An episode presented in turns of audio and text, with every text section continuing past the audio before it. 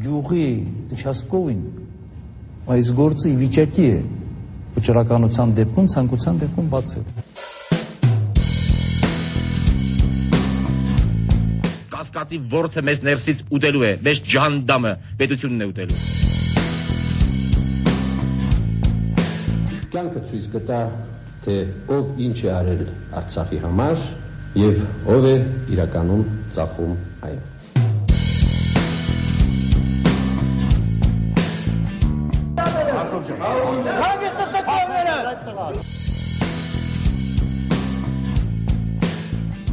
Ձեզ այնքան կծեց են դալաններում, որ դուք կարտագաղթեք։ Նորագույն պատմություն։ Երրորդ հանրապետությունն ազատության աչքերով։ 14 տարի առաջ 2005 թվականի աշնանը Հայաստանի իշխանություններն առաջին անգամ երրորդ հանրապետության պատմության մեջ փոփոխությունների ենթարկեցին երկրի սահմանադրությունը։ 1995 թվականի հուլիսին ընդունված սահմանադրության լեգիտիմությունը քաղաքական դաշտի մի զգալի մասը կասկածի տակ էր առնում, պնդելով, որ այն ընդունվել է կեղծիքներով եւ երկրի նախագահին հոշտել է գրեթե միապետական լիազորություններով։ 1998-ին իշխանության գալով Ռոբերտ Քոչարյանը խոստացել էր բարեփոխել երկրի հիմնական Հանրապետական օրենքը նախ եւ առաջ մեծացնելով խորհրդարանի դերակատարությունը։ Քոչարյանը 98-ին նույնիսկ սահմանադրական փոփոխությունների հանձնաժողով էր ստեղծել Պարույր Հայրիկյանի գլխավորությամբ, բայց եւ այնպես երկրորդ նախագահը երկրի հիմնական օրենքը փոխել չէր շտապում։ Սահմանադրությունը փոխելու առաջին բավականան կազմակերպ փորձը իշխանությունները ձեռնարկեցին 2003-ին, դա սակայն արվեց առանց մեծ ողջևորության եւ լուրջ ջանք գործադրելու կարծես միայն այն նպատակով, որ եվրոպական կառույցները գոնե արժանանակ պաշտ պաշտոնական Երևանին հանգիստ թողնեն։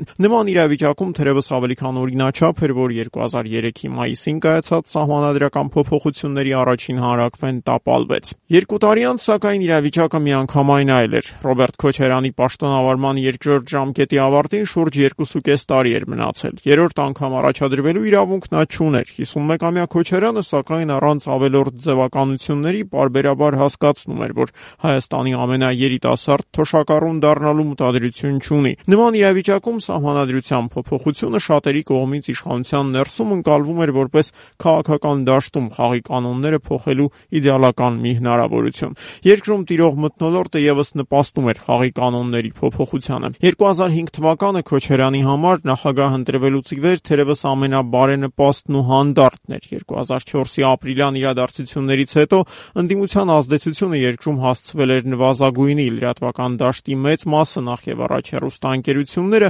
Բահրեմյան 26-ի ուղակի վերահսկողության տակ էին։ Հանրապետականներից, օրինաց երկրից եւ դաշնակցությունից կազմված իշխող կոալիցիան անվերապահորեն ընդունում էր Ռոբերտ Քոչարյանի գերիշխանությունը ներքաղաքական հակասությունների դեպքում նրան արբիտրի դեր վերապահելով։ Նման իրավիճակում նորացված սահմանադրությունը կարող էր դառնալ այն կարևորագույն լծակը, որ թույլ կտար ապահովել 98-ի փետրվարյան հեղաշրջումից եւ հոկտեմբերի 27-ից հետո ձևավորված իշխանական համակարգի անցնց անցում վերարտադրությունը, բացատրելով հիմնական օրենքի փոփոխության անհրաժեշտությունը, սակայն Քոչարյանը 2005-ին այլ փաստարկ էր բերում։ Նրա խոսքով 95-ին ընդունված սահմանադրությունը 10 տարում պարզապես հնացել էր, ինչպես մի հին ու ժանգոտ զրովեց։ Արագությունը այն չի, մի քիչ աղմուկը շատ է, յուրավառում, բայց կարաս օգտվել, կարաս ինչ որտեղ հասնել, միջև Սևան կհասնեն։ Մի քիչ հեռու գնանք, բուքսիրով հետ կգան։ Հիմա որոշումները պետք է լինի։ Հիմա մենք ինչ ենք ուզում։ Ուզում ենք արագ զարգացում դեպի ապագա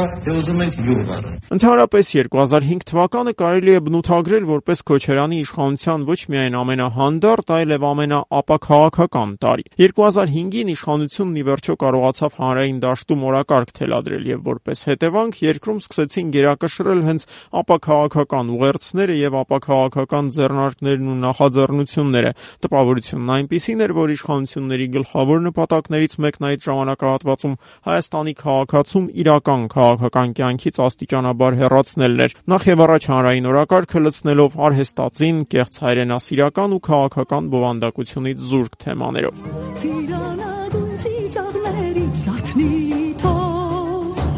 Ամեն հայի սրտում իշոք է թող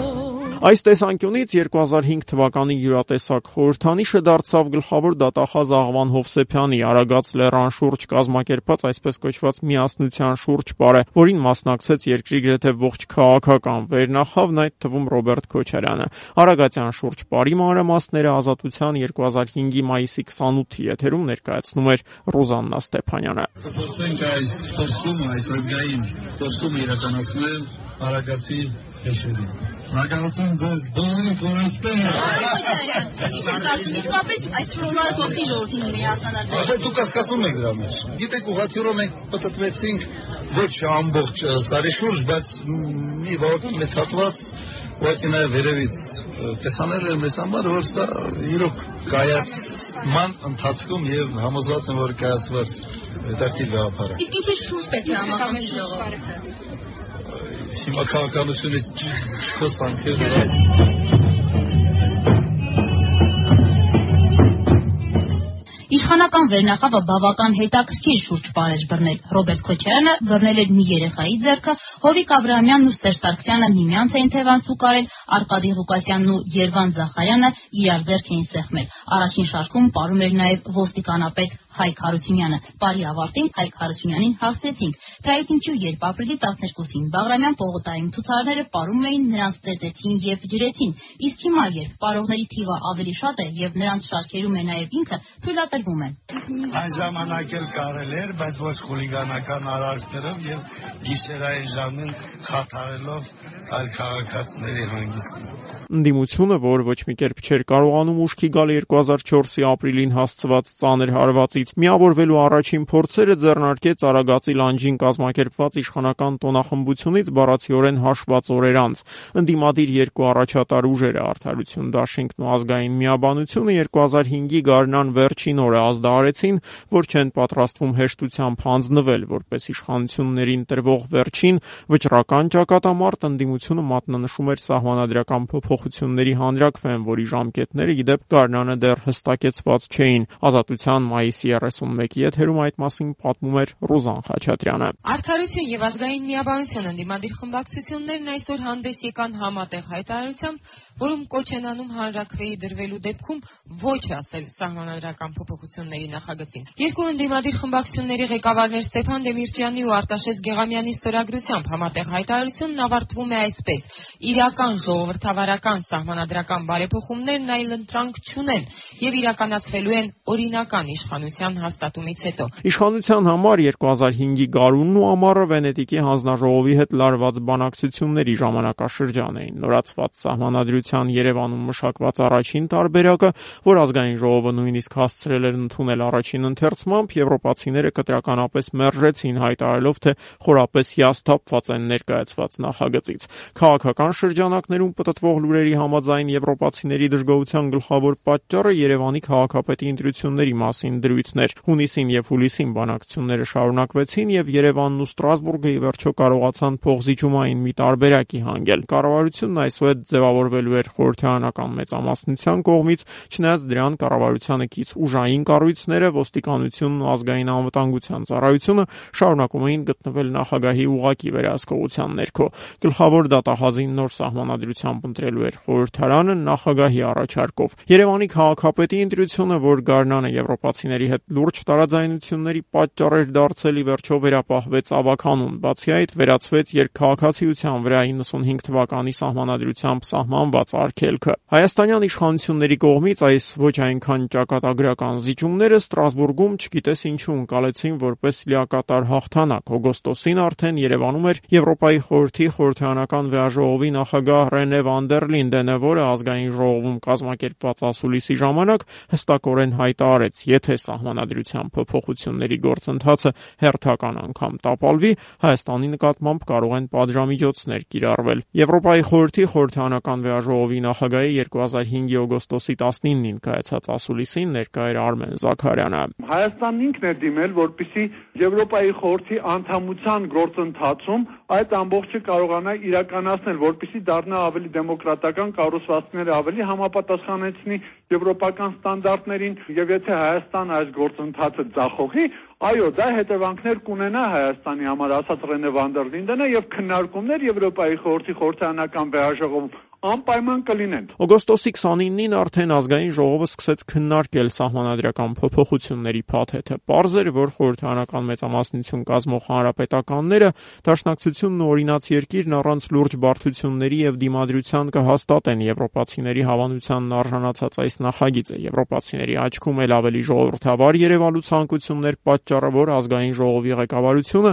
որոշեց թույլատրել խորհրդարանական քննարկումների ուղիղ հերոստահերարցակումը։ Սկզբում ամեն ինչ ընթանում էր նախանշված սցենարով։ Ամբիոնին էին մոտենում իշխող կոալիցիան ներկայացնող падգամավորները եւ գրեթե մեկը մյուսից չտարբերվող ելույթներով ներկայացնում նոր սահմանադրության արժանինքները, հատուկ ընդգծելով ներկայացված նախագծի եվրոպացիների կողմից հավանության արժանացած լինելու հանգամանքը։ Եկեք միասին ձեռնամուխ լինենք մեր ժողովրդի առաջտարացած ներկոյիշան խնդիրների լուծմանը, վեր կանգնենք ամբիցիաներին։ Խոսել համանդրական բարեփոխումների մասին, եւ չնշել, որ քննարկման ներկայացված բարեփոխումները համաունչ են վերանշված եվրոպական իրավունքների սկզբունքներին ու լրացնում են գործող սահմանադրությունը, մեզ համար առնվազն անհասկանալի է։ Սահմանադրական հովվերքությունը շարունակվեց մինչև ազգային միաբանության ղեկավար Արտաշես Գեղամյանի ելույթը, որն ազգային ժողովի ամբիոնից որոշեց մեջբերել խորհրդանի այն ժամանակվա նախագահ Արթուր Բաղդասարյանի դրանից մի քանի օր առաջ հնչեցրած ելույթը։ Վանաձորում հարգարժան Բաղդասարյանը ելույթ ունեցավ իր համակիրների մոտ ասեց ընդամենը հետեւյալը Ես բերել եմ կարտան, որ ես գործ չսարքել եկում։ Իշխանություններ կա, իշխանություններ։ Մեջներն են, քանավազակներ կան, փողով ձայներ արել են, եկել նստել են։ Յուղ կա, որ շունչ ունենան։ Տղեկ ջան, հաթատասեք, այսա փողովանց է, նա փողովանց է, նա կառավարության մեջի շունն է, նա գելու կատունն է։ Գեղամյանին հակադարձելու գործը հանրապետականը վստահեց իր երիտասարդ падգամավորներից մեկին, որը մանդատ էր ստացել դրանից ընդամենը մի քանի ամիս առաջ։ Այդ падգամավորի անունն էր Արմեն Աշոտյան։ Եթե չի մտածի, որ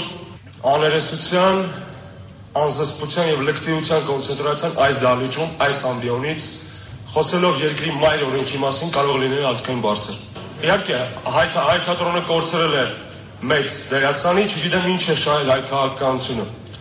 Այնուհանդերձ այսօրվա դրությամբ ոչինչ դեռ չի շահել։ Այս ելույթին Վիկտոր Դալակյանը անդրադարձավ։ Նմանատիպ ելույթները ես դատապարտում եմ եւ արդեն ինձ համար հասկանալի է թե ովքեր պետք է հակներ զոլավոր ուրեմն հակուստներ։ Արտաշես Գերամյանը շատ չծանրացավ իրեն ուղված մեղադրանքների վրա։ Ասաց Աշոտյանին, ես նույնիսկ քո ուսուցչի հետ հարկ չեմ համարի վիճել։ Ուր մնաց քեզ հետ։ Ընդամենը մի քանի տարի անց Արտաշես Գեղամյանն ու Արմեն Աշոտյանը կհայտնվեն խորհրդարանական նույն խմբակցության հանրապետականի կազմում, իսկ Վիկտոր Դալակյանը կզբաղեցնի խորհրդանում Սերժ Սարգսյանի ներկայացուցչի պաշտոնը։ 2005-ին սակայն նրանք դեռ բարիկադների տարբեր կողմերում էին։ Այլ հարց է, որ խորհրդարանական փոխհրաձգության հանդեպ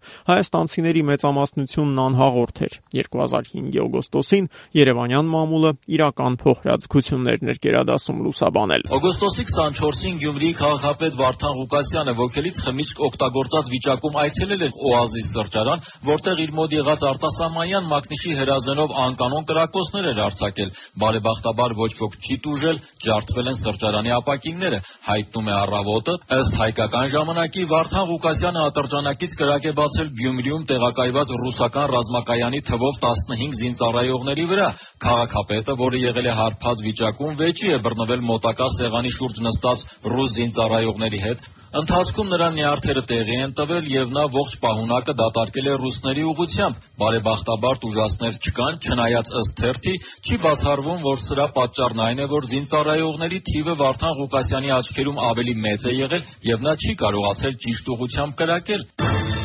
2005 թվականի օգոստոսի 31-ի մամուլի տեսությունը ազատության եթերում ներկայացնում էր Հրաչ Մելքումյանը։ Նույն այդ օրը, երբ ընդդիմադիր մամուլը քննարկում էր Գյումրիում հնչած կրակոցները, իսկ իշխանամետ թերթերը միմյանց հերթ չտալով Ռոբերտ Քոչարյանին էին շնորհավորում ծննդյան օրվա արդիվ, խորհրդարանը քվեների ճնշող մեծամասնությամբ առաջին ընթերցմամբ հաստատեց սահմանադրության նորացված տարբերակը։ Երկրորդ ընթերցմամբ նախագիծը հաստատվեց առաջին քվեարկությունից հաշված ժամեր անց սեպտեմբերի վերջին էլ սահմանադրության բարեփոխումների Հանրապետությունների փաթեթի խորհրդարանական հաստատման փուլն ավարտված էր։ Մեկնարկում էր իշխանությունների համար թերևս ամենադժվարին этаպը՝ հանրակրվեի կազմակերպումը եւ ամենակարևորը՝ մասնակցության բարձր ցուցանիշի ապահովումը։ Բանն այն է, որ 2005-ին գործող դրույթի համաձայն երկրի հիմնական օրենքում փոփոխություններ կատարելու համար անհրաժեշտ էր, որպեսզի հանրակրվեին մասնակցի երկրում գրանցված 2 միլիոն 300 հազար ընտրողների կեսից ավելին։ Գրանցված ընտրողների առնվազն 1/3-ը ավելի քան 700 հազար մարդ պետք է կողմ արտահայտվեր ներկայացված նախագծին։ Հարակվեն նշանակվեց նոյեմբերի 27-ին։ Դա նշանակում էր, որ ցանկալի արդյունք այո պատասխանն ապահովելու համար իշխանություններն ընդամենը 2 ամիս ունեն։ Սահմանադրական Հարակվեի քարոշչական շտաբի ղեկավարությունը հանձնարարվեց կոալիցիոն կուսակցություններին Հարակվեին նախորդող շաբաթներին ԱՅՈ-ի շտաբը 72 քարոշչական խումբ կազմեց, որոնք շրջելով Հայաստանի տարբեր շրջաններում փորձում էին համոզել մարդկանց, որ սահմանադրական փոփոխ փոփոխությունների օգտին քվեարկելը կենսական նշանակություն ունի երկրի ցանկացած շարքային քաղաքացու համար։ Իշխանական կոալիցիայի ներկայացուցիչների փաստարկները ոչ միշտ էին համոզիչ, երբեմն էլ ուղակի պարզունակ էին ազգային ժողովի պետաիրավական հարցերի հանձնաժողովի նախագահ Ռաֆիկ Պետրոսյան։ Հաճախ հարցնում են, այս համանդրական փոփոխություններից հետո բանիրի գինը պիտի էժանանա, կարակի գինը պետք է էժանանա, թե ոչ։ Այո, պետք է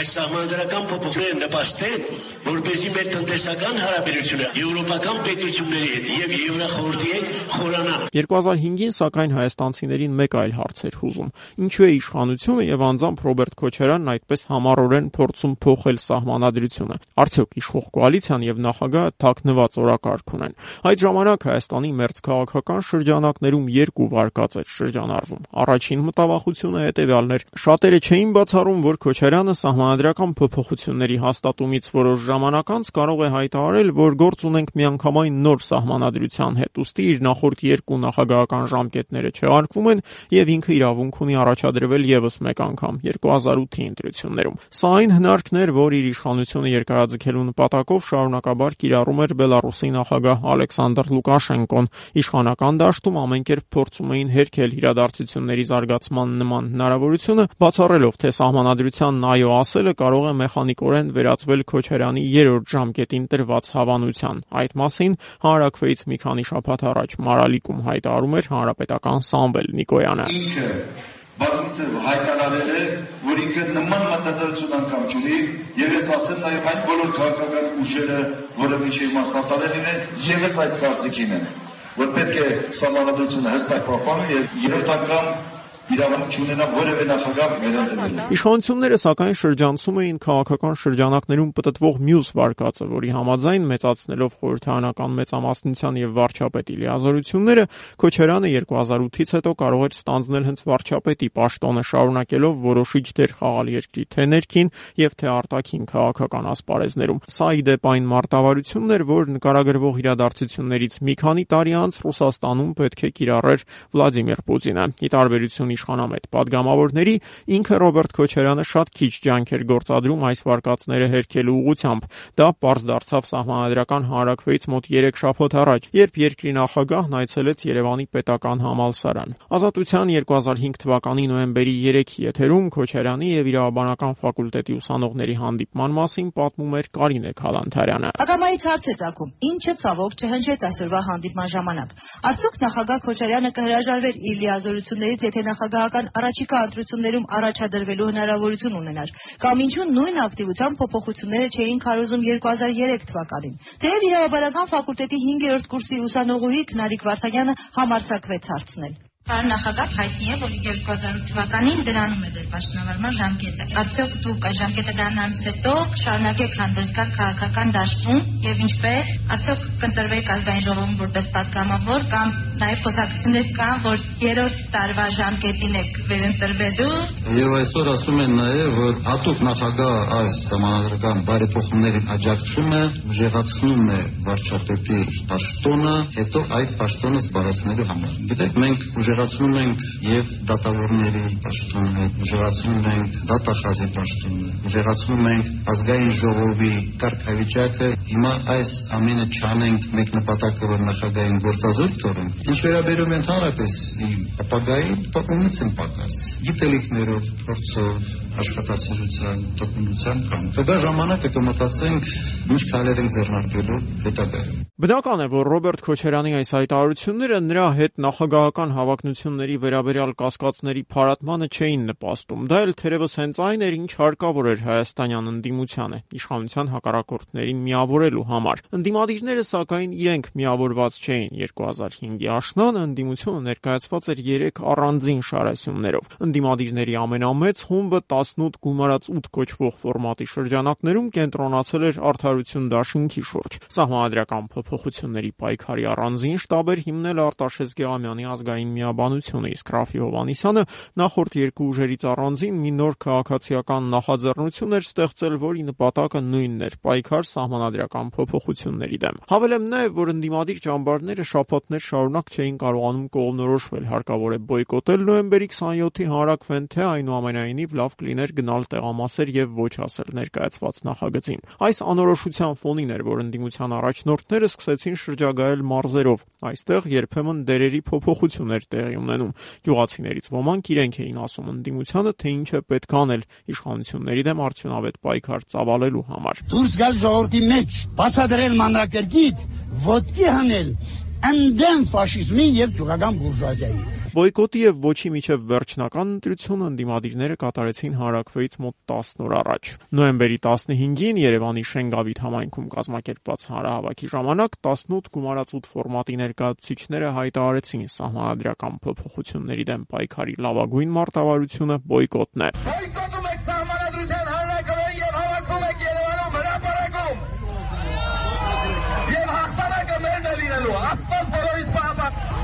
Հաջորդ օրն արդեն բոյկոտին միանալու մասին հայտարարեց Արտաշես Գեղամյանի կուսակցությունը Ռաֆի Հովանիսյանի ժառանգությունը բոյկոտի որոշմանը միացավ Հարակվեից 6 օր առաջ նոյեմբերի 21-ին։ Հարակվեին նախորդող օրերին ընդդիմության հիմնական ուժերը կենտրոնացան Մայրաքաղաքում, հասկանալով թերևս, որ Երևանյան ընտրազանգվածի մոբիլիզացիան անհամեմատ ավելի հեշտ գործ է։ Պայքարի հիմնական միջոցներից մեկն էլ ավտոերթերն էին, որոնք շրջելով քաղաքով մեկ կոչ էին անում երևանցիներին բոյկոտել սահմանադրական հանրակրվեն։ Ընդդիմ Մադիրների կազմակերպած ամենամեծ ավտոերթի մասին Ազատության 2005-ի նոյեմբերի 24-ի եթերում պատմում էր Ռուզաննա Ստեփանյանը։ Ընդդիմության ավտոերթն այսօր սկսվեց Շահումյան հրապարակից, որտեղ պետավտոտեսչության քաղաքային գումարտակի ղեկավարը ընդդիմադիրներին նախապես զգուշացրեց. Կարմիր լույս չանցնեք, հաղթում չանեք, կանաչով անցեք, նորմալ գնացեք, ես խնդրեմ, եթե հանկարծ մի հատ կարմիրով անցակ, ուրեմն այդ մեքենան բաժվելու է։ Ավտոշարեսանը հետևող պետավտոտեսչության աշխատակիցներն ու կարմիր բերետավորները ռադիոտան մոտ խախտում արձանագրեցին, եւ երբ մենք հասանք դեպքի վայր, կարմիր բերետավորներն արդեն ծեծի են ենթարկել Հանրապետություն կուսակցության տարածքային կառույցի ղեկավար Աշոտ Պողոսյանին։ Ըստ ոստիկանների նա խախտել էր երթևեկության կանոնները, հատելով հոծգիծը։ Մինչև շտապօգնության տեղ հասնելը մենք կարողացանք զրուցել նաև տուժածի հետ, վերջինս բավական ծանր վիճակում էր եւ հազիվ էր խոսում։ Ինչով է խփել։ Չէ, ոտով երևի։ Ոտով։ Ինչի պես ոնց եղավ։ Չէ, չհասկացա, հարցակվում վերես մի անգամից։ Դոկումենտներ էին ուզում մեքենայից իջավ հարցակվում վերես։ Քաշում էի, ես չէի գնում, ասում եմ սպասեք մեքենայից դոկումենտները կտամ ու սկսա խփել։ Մի հոգով են խփել, մի քանի հոգով։ Դե շատ են լսված կարմիր բերեցավորներ չեմ բանում։ Նշեմ, որ հարակվեն բոյկոտելու մասին ընդդիմության որոշումը զգալիորեն փոխեց իրավիճակը։ Ընդամենը մի քանի օրում հայաստանցի ընդդիմադիրներին հաջողվեց անել ամենակարևորը։ Քարոզարշավի ամենավորոշիչ պահին հանրային ուշադրությունը կենտրոնացավ ոչ թե սահմանադրական փոփոխությունների նախագծի եւ դրա օկտին քարոզող կոալիցիոն կուսակցությունների, այլ իշխանության քննադատների գործնեության վրա։ Որպես հետևանք ոստիկանական բռնությամբ ուղեկցված ավտոերթի հաջորդ օրը ընդդիմության այդ ակցիան Երևանյան մամուլի հրապարակումների գլխավոր թեման էր։ Թերթերը նույնիսկ արձանագրում էին, որ համեմատաբար հանդարտ քարոզարշավի ավարտին իշխանության ներսում նյարդայնության որոշակի նշույլներ են ի հայտ եկել։ Իրավունքում շարադրված է, երբ ընդդիմության ավտոշարասյունը Բաղրամյան պողոտայով բարձրանում էր դեպի Կոմիտաս, նախագահական նստավայրի դարպասների մոտ հայրենիք ու պատիվ կուսակցության ներկայացուցիչ Վարդան Մալխասյանին իր ավտոմեքենայից ոստիկաններն ուղակի դուրս են շպրտել։ Ոստիկանները սկսել են հարցնել, թե ինչու է ընդդիմադիրը նայում նախագահական նստավայրի շենքին։ ԱՅՈ-ի շտաբում փոխարենն այդ օրերին կատարյալ անդոր էր։ Գիտությունների ազգային ակադեմիայում տեղակայված այս շտաբում օրվա գրեթե բոլոր ժամերին դատարկություն էր եւ լռություն։ Շտաբի համակարգողը օրինաց երկիր կուսակցության անդամ Մհեր Շագել Սամվելզյանը հարակվեին նախորդող 6 օրերին բարբերաբար խոստանում էր հանդես գալ ամփոփիչ ասուլիսով եւ անընդհատ հետաձգում էր դրա անցկացումը։ Վերջում էլ ընդհանրապես չեղարկեց այն։ ԱՅՈ-ի շտաբում լրագրողներին կարծես ասելիք չունեին։ Նոր սահմանադրության կողմնակիցների Երևանում կազմակերպված թերևս ամենամարդաշատ ակցիան էլ նոյեմբերի 25-ին էր։ Այն լուսաբանող լրագրողների վրա այդ ակցիան մեղմ ասած տարօրինակ տպավորություն թողեց։ Ոչի կողմնակիցներին այսօր ԱՅՈ-ից միայն մեկ փողոց էր բաժանում՝ Սայաթ Նովան։ Մինչ Ռաֆի Հովանիսյանի քաղաքացիական նախաձեռնության մասնակիցները չարտոնված հավաքի էին մասնակցում փողոցի աջ մասում, առաջադիմական կուսակցության համագիրները դեպի Մատենադարանի հրապարակ արտոնված երթ կազմակերպելու համար էին խմբվել։ Նրանց հիմնական մասը սակայն դպրոցահասակ երեխաներ էին հանրապետության տարբեր մարզերից, ում ուսուցիչները բերել էին ԱՅՈ-ի պաստառներ, դրոշակներ եւ թռուցիկներ բռնելու համար։ Քանի տարեկան է։ 11 Ո՞վ է այստեղ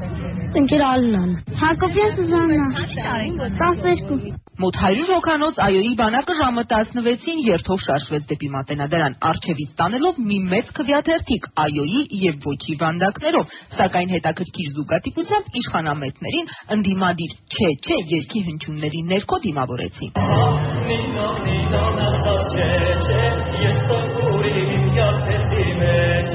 ԱՅՈ-ի կողմնակիցների հանրահավաքի մասին 2005 թվականի նոյեմբերի 25-ին Ազատության եթերում պատմում էր Աստղիկ Բեդևյանը։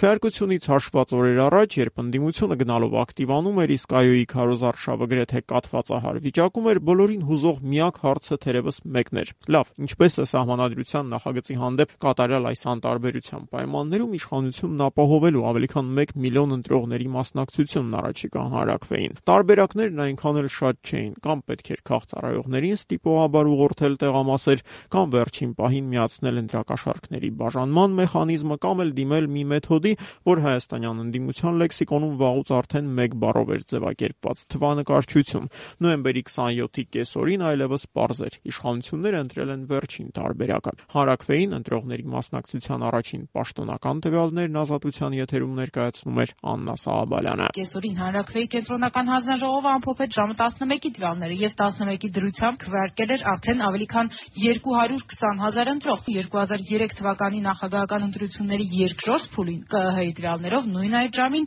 այսինքն առաջին մի քանի ժամվա ընթացքում քվեարկել էր ավելի քան 100 հազար մարդ, այսինքն երկու անգամ պակաս, քան հանրակրվեի նույն ժամի դրությամբ։ Ժամը 2-ի դրությամբ արդեն քվեարկել էր ավելի քան 602 հազար ընտրող, այսինքն 3 ժամվա ընթացքում հասցրել էր քվեարկել ավելի քան 370 հազար ընտրող։ Արդյոք նման ակտիվությունը արտառոց չէ մեր հարցին հանրակրվեի կենտրոնական հանձնաժողովի նախագահի տեղակալ Աբրահամ Բաղչագյուլյանը պատասխանեց, թե դա նորմալ մասնակցություն է։ Այո, այո, եղել է. Եւ տեղական ինքնակառավարման մարմինների 2000 5 թվականի ընտրություններին եւ նախորդ ընտրություններին։ Ընտրողների նման կասկածելի ակտիվությունը համատարած էր. Երևանից Աշոց, Մեղրիից Նոյեմբերյան, դատարկ տեղամասերի եւ Լեփլեցուն քվեատուփերի համադրությունը աչք էր զարնում հատկապես քվեարկության եկած բարձրաստիճան պաշտոնյաների լավատեսական հայտարարությունների ֆոնին։ Վարչապետ Անդրանիկ Մարկարյանի քվեարկության օրինակ հետևել էր Ռուզան Խաչատրյանը։ Վարչապետ Անդրանիկ Մարկարյանը լրագրողներից ոչինչ չթաքցրեց։ Ես որպես հանրապետական կուսակցության անդամ կողմ եմ քվեարկել։ Իսկ ձեր ընտանիքում տարաձայնություններ չկային։ Մասնատը բոլորը հանրապետական են։ Վարչապետ Անդրանիկ Մարկարյանը իր ընտանիքի անդամների հետ քվեարկեց Ավանի թիվ 177 դպրոցի տեղամասում։ Այստեղ ժամը 11-ին 150 մարդ արդեն քվեարկել էր, այսինքն 180 րոպեում 150 ընտրող։ Քվեարկություններ լուսաբանելու մեծ փորձ ունեցող լրագրողի աչքին բավական անսովոր էր այդ ժամին քվեատուփի նման քանակությամբ պարունակությունը, հատկապես որ հերթեր չկային, իսկ օպերատորները մինչև վարչապետը կգար, մոտ 20 րոպե սպասում էին, որ մի շարքային ընտրող էլ գա տեսագրեն։ Օրվա ողջ ընթացքում ընդդիմությունը հաղորդում էր դիտորդների նկատմամբ կիրառվող ճնշումների մասին, որոնց արդյունքում այդ դիտորդների մի զգալի մասը ստիպված էր լքել տեղամասերը դեռ մինչև քվեարկության ավարտը։ Աղմկալի սկանդալ էր նաև ընտրական հանձնաժողովների ընդդիմադիր անդամների շուրջ արդարությունն ու ազգային միաբանությունը հանրակրվեից մի քանի օր առաջ հետ էին կանչել իրենց բոլոր հանձնաժողովականներին։ Նրանց մի մասը սակայն իշխանությունների ճնշման ներքո ստիպված էր շարունակել աշխատանքը, ովքեր էլ հավատարիմ մնացին կուսակցական կարգապահությանը, քվեարկության օրը հայտնաբերեցին, որ իրենց տեղերը հանձնաժողովներում լրացվել են իշխանության կողմնակիցներով, իրենց էլ դատախազությունից ծանուցագրեր են ուղարկում։ 2005 թվականի նոյեմբերի 27-ի գլխավոր սկանդալի հեղինակը սակայն Ռոբերտ Քոչարյանն էր։ Նախագահ Քոչարյանը ինչպես եւ խոստացել էր քվեարկեց բաց ցուցադրաբար ցույց տալով իր քվեաթերթիկը, որտեղ նշում էր կատարված այո վանդակում։ Գիտեք, գաղտնի քվեարկությունը յուրաքանչյուրիս իրավունքն է, բայց ոչ թե պարտականություն։ Հասկանալու համար, թե ինչ աղմուկ բարձրացավ Քոչարյանի բաց քվեարկությունից հետո, նշեմ միայն, որ հանրակրվեն թողած երկրի ղեկավարին արդարացնելու գործին գրեթե անմիջապես լծվեցին իշխանական վերնախավի ներկայացուցիչներն ընդཐུպ մինչև գլխավոր դատախազ Աղվան Հովսեփյանը։ Գաղտնիությունը դա անձի իրավունքն է, բայց անձը կարող է նաև բացահայտ դրսևորելու իր դիրքորոշում։ Օրվա երկրորդ կեսին դատարկ տեղամասերի ընտրողների աննախադեպ ակտիվության մասին կենտրոնական ընտրական հանձնաժողովի հայտարարությունների դիտորդների դեմ ճնշումների մասին արդեն տասնյակներով հաշվող ահազանգերի ֆոնին իշխանության թիրախում հայտնվեց Ազատություն ռադիոկայանը։ Պարզվեց, որ հայաստանցիները գործնականում զուրկ են հանրակրվեի ընթացքի մասին ոչ պաշտոնական տեղեկատվություն ներկայացնող միակ հերարցակող լրատվամիջոցն ունկնդրելու հնարավորությունից։ Արմեն Դուլյան Այս մեր եթերաժամի ընթացքում մենք ունեցանք բազմաթիվ հերախոսազանգեր, մարդիկ բողոքում էին, որ մեր եթերը տարբեր ալիքներով անընդհատ խափանվում էր եւ իրենք պարզապես չէին կարողանում ոչինչ հասկանալ մեր հաղորդումից ես ուզում եմ ներողություն խնդրել մեր բազմահազար ունկնդիրներից եւ ասել նրանց որ դա բոլորովին մեզ հետ կապված չէր դա վերահեռարձակող կազմակերպություններն են դրա մեղավորը Երեկոյան ժամը 8-ին երկրում գործող տեղամասերը փակեցին դռները եւ մեկնարկեց քվեների հաշվարկը։ Հարակվեի ավարտից հաշված րոպեներ անց արդեն པարզ էր։ Իշխանությունները ստանալու են այն արդյունքը, որ նախատեսել էին։ Դա այն վկայում կենտրոնական ընտրական հանձնաժողովի հրապարակած նախնական տվյալները։ 1966 ընտրատեղամասերում գրանցված 2 միլիոն 317 հազար 351 ընտրողից քվեարկությանը մասնակցել է 1 միլիոն 513 հազար 541, այսինքն ընտրողների 65.3%-ը։ Սահմանադրական փոփոխություններին կողմ է քվեարկել 1 միլիոն 411 հազար 791 ընտրող, այն է ընտրողների 93.3%-ը։ Սահմանադրությունն ընդունված էր։ Հաջորդ օրը լույս տեսած Երևանյան թերթերը նախորդին կազմակերպված միջոցառումը, որ նույնիսկ քվեարկություն անվանելը շատերի համոզմամբ ճիշտ չէր, դիպուկ կերպով անվանեցին ուրվականների հանրակրվե։ Ողջ երկիրը փորձում էր հասկանալ, ովքեր են այն 1 միլիոն 513 հազար Հայաստանի քաղաքացիները, որոնք առանց հարևանների կամ լրագրողների տեսադաշտում հայտնվելու կարողացել են թաքուն մուտք գործել տեղամասեր եւ մասնակցել հանրակրվեին։ Ռեժիմը գժականով է գնում վերնագրի ներքո հարցական նշաններ դնելով 1.5 միլիոն մասնակցի եւ 93% այոյի վրա իրավունքը պատմում է։ ԽՍՀՄ լուծարումից 14 տարի անց հենց Հայաստանի խորհրդայնացման 85-ամյակի նախօրեին, երբ գրեթե բոլորը մոռացել էին, թե խորհրդային իշխանության օրոք ինչ օր էր համարվում նոյեմբերի 29-ը, Հայաստանի քաղաքացիներին սկսեց թվալ, որ վերադարձել են Բրեժնևյան տարիները։ Քվեարկության հաջորդ օրը թերևս միայն ազատության եթերում էր, որ փորձ արվեց Երևանում գտնվող կոնկրետ մեկ տեղամասին կցված կոնկրետ ընտրողների օրինակով որոշակի իրական պատկերացում կազմել մասնակցության ցուցանիշի մասին։ Շենգավիթի բազմաբնակարան երկու շենքերում 2005-ի նոյեմբերի 28-ին անցկացրած յուրատեսակ հետազոտության ընթացքում Հեղինե Բունյացյանն այդպես էլ այոյի օկտին քվեարկած գրեթե ոչ մի մարդու չհանդիպեց։ Ընտրական ցուցակներով 2000 ընտրողներից ոչ այնքան փոքր հատվածն ապրում է Բագրատունյաց 28 եւ 26 շենքերում։ Երկուսն էլ 5 հարկանի են եւ մի քանի մուտք ունեն, որոնցից յուրաքանչյուրում ապրում է 18 ընտանիք։ Մենք որոշեցինք տուն առ տուն այցելել նրանց ու ողջել ինչպես է երեք անցել քվեարկությունը։ Երեք մասնակցել եք, հանրակ ոչ։ Ընտանիքում քանի մարդ։ Երկու։ Երկուսն չեն մասնակցել։ Քանի հոգի ապրում այս տանը։ 7։ 7-ից ոչ մեկը չի մասնակցել։ Քանի հոգի եք 4։ Քանիսն են մասնակցել։ 5։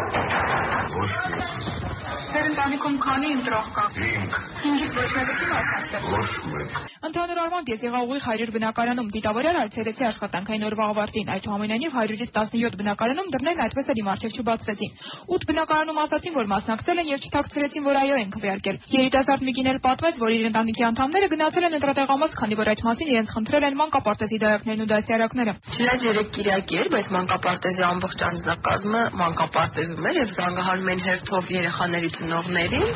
ու խնդրում նույնիսկ պահանջում ինչ որ տեղել, որ գնացեք ընտրությունների։ Միայն ամիսներ անց 2006-ի գարնանը լայն հանրությունը կտեղեկանա, թե ինչպես էր ձևավորվել պաշտոնական փաստաթղթերում տեղ գտած այն 1 միլիոն 411 թիվը, մարդիկ, որոնք իբր էին ասել փոփոխված սահմանադրության նախագծին։ 2006-ի գարնան նոշականի թիվ 0430 տեղամասային հանձնաժողովի նախագահ Սպարտակ Եղիազարյանն անկեղծորեն կպատմի լրագրողներին, թե ինչպես է կեղծվել 2005-ի նոյեմբերի 27-ի սահմանադրական հանրակրվեն։ Նախորդ մեզ բաժանվեցին երկու տեղամասի տրացուցակները, որի մոտ նշված է ազնագրի համարները, 3 գիշեր տանը դա կատարվել է ամբողջ մարզում։ Եվ ստորագրություններ ա դրվել։ Իրականում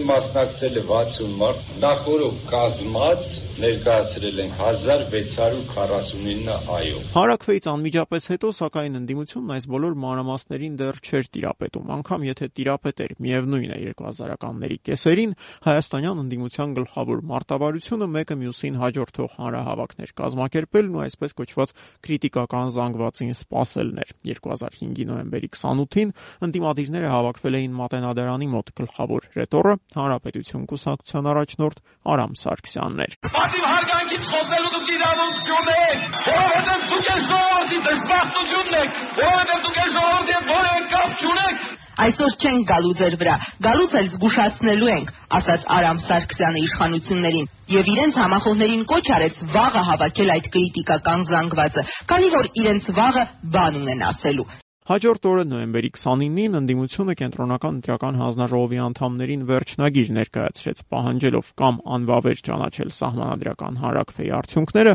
կամ էլ առերեսվել իրադարձությունների զարգացման հեղափոխական սցենարին։ Միացյալ ընդդիմությունը այսօր քաղաքական փաստաթուղթ է ներկայացրել կենտրոնական ընտրական հանձնաժողովին եւ պահանջել է 72 ժամվա ընթացքում հանրակրվեի արդյունքները համարել անվավեր։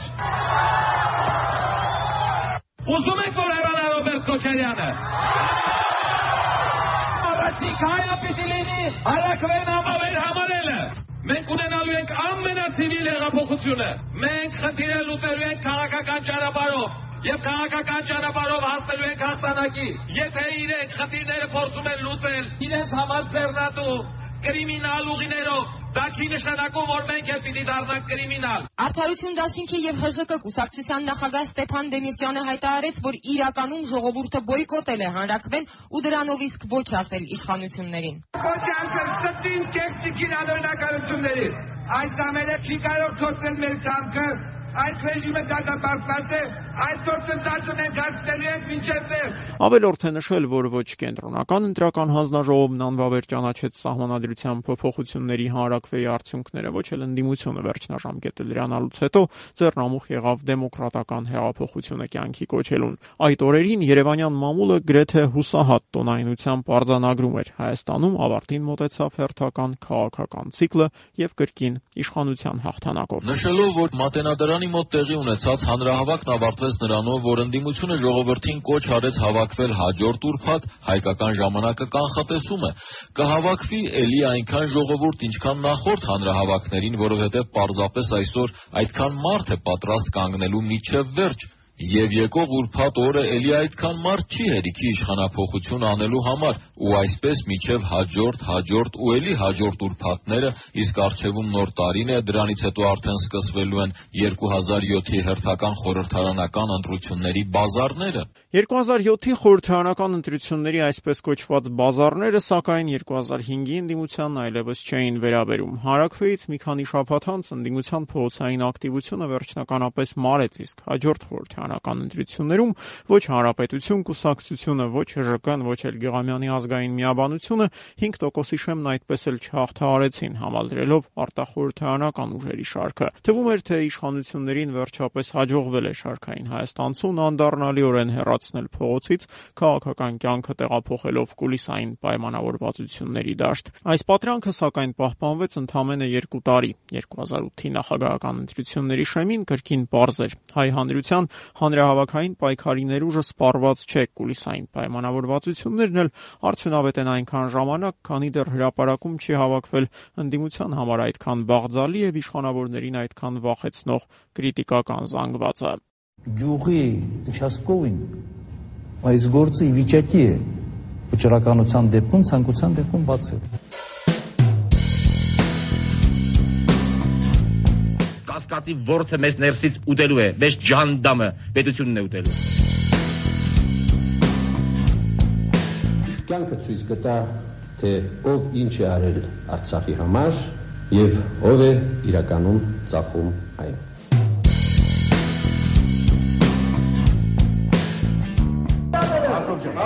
Հագեստը ծախողները։ Ձեզ այնքան կծեց են դալաններում, որ դուք կարտագաղթեք։ Նորագույն պատմություն՝ երրորդ հանրապետությունն ազատության աչքերով։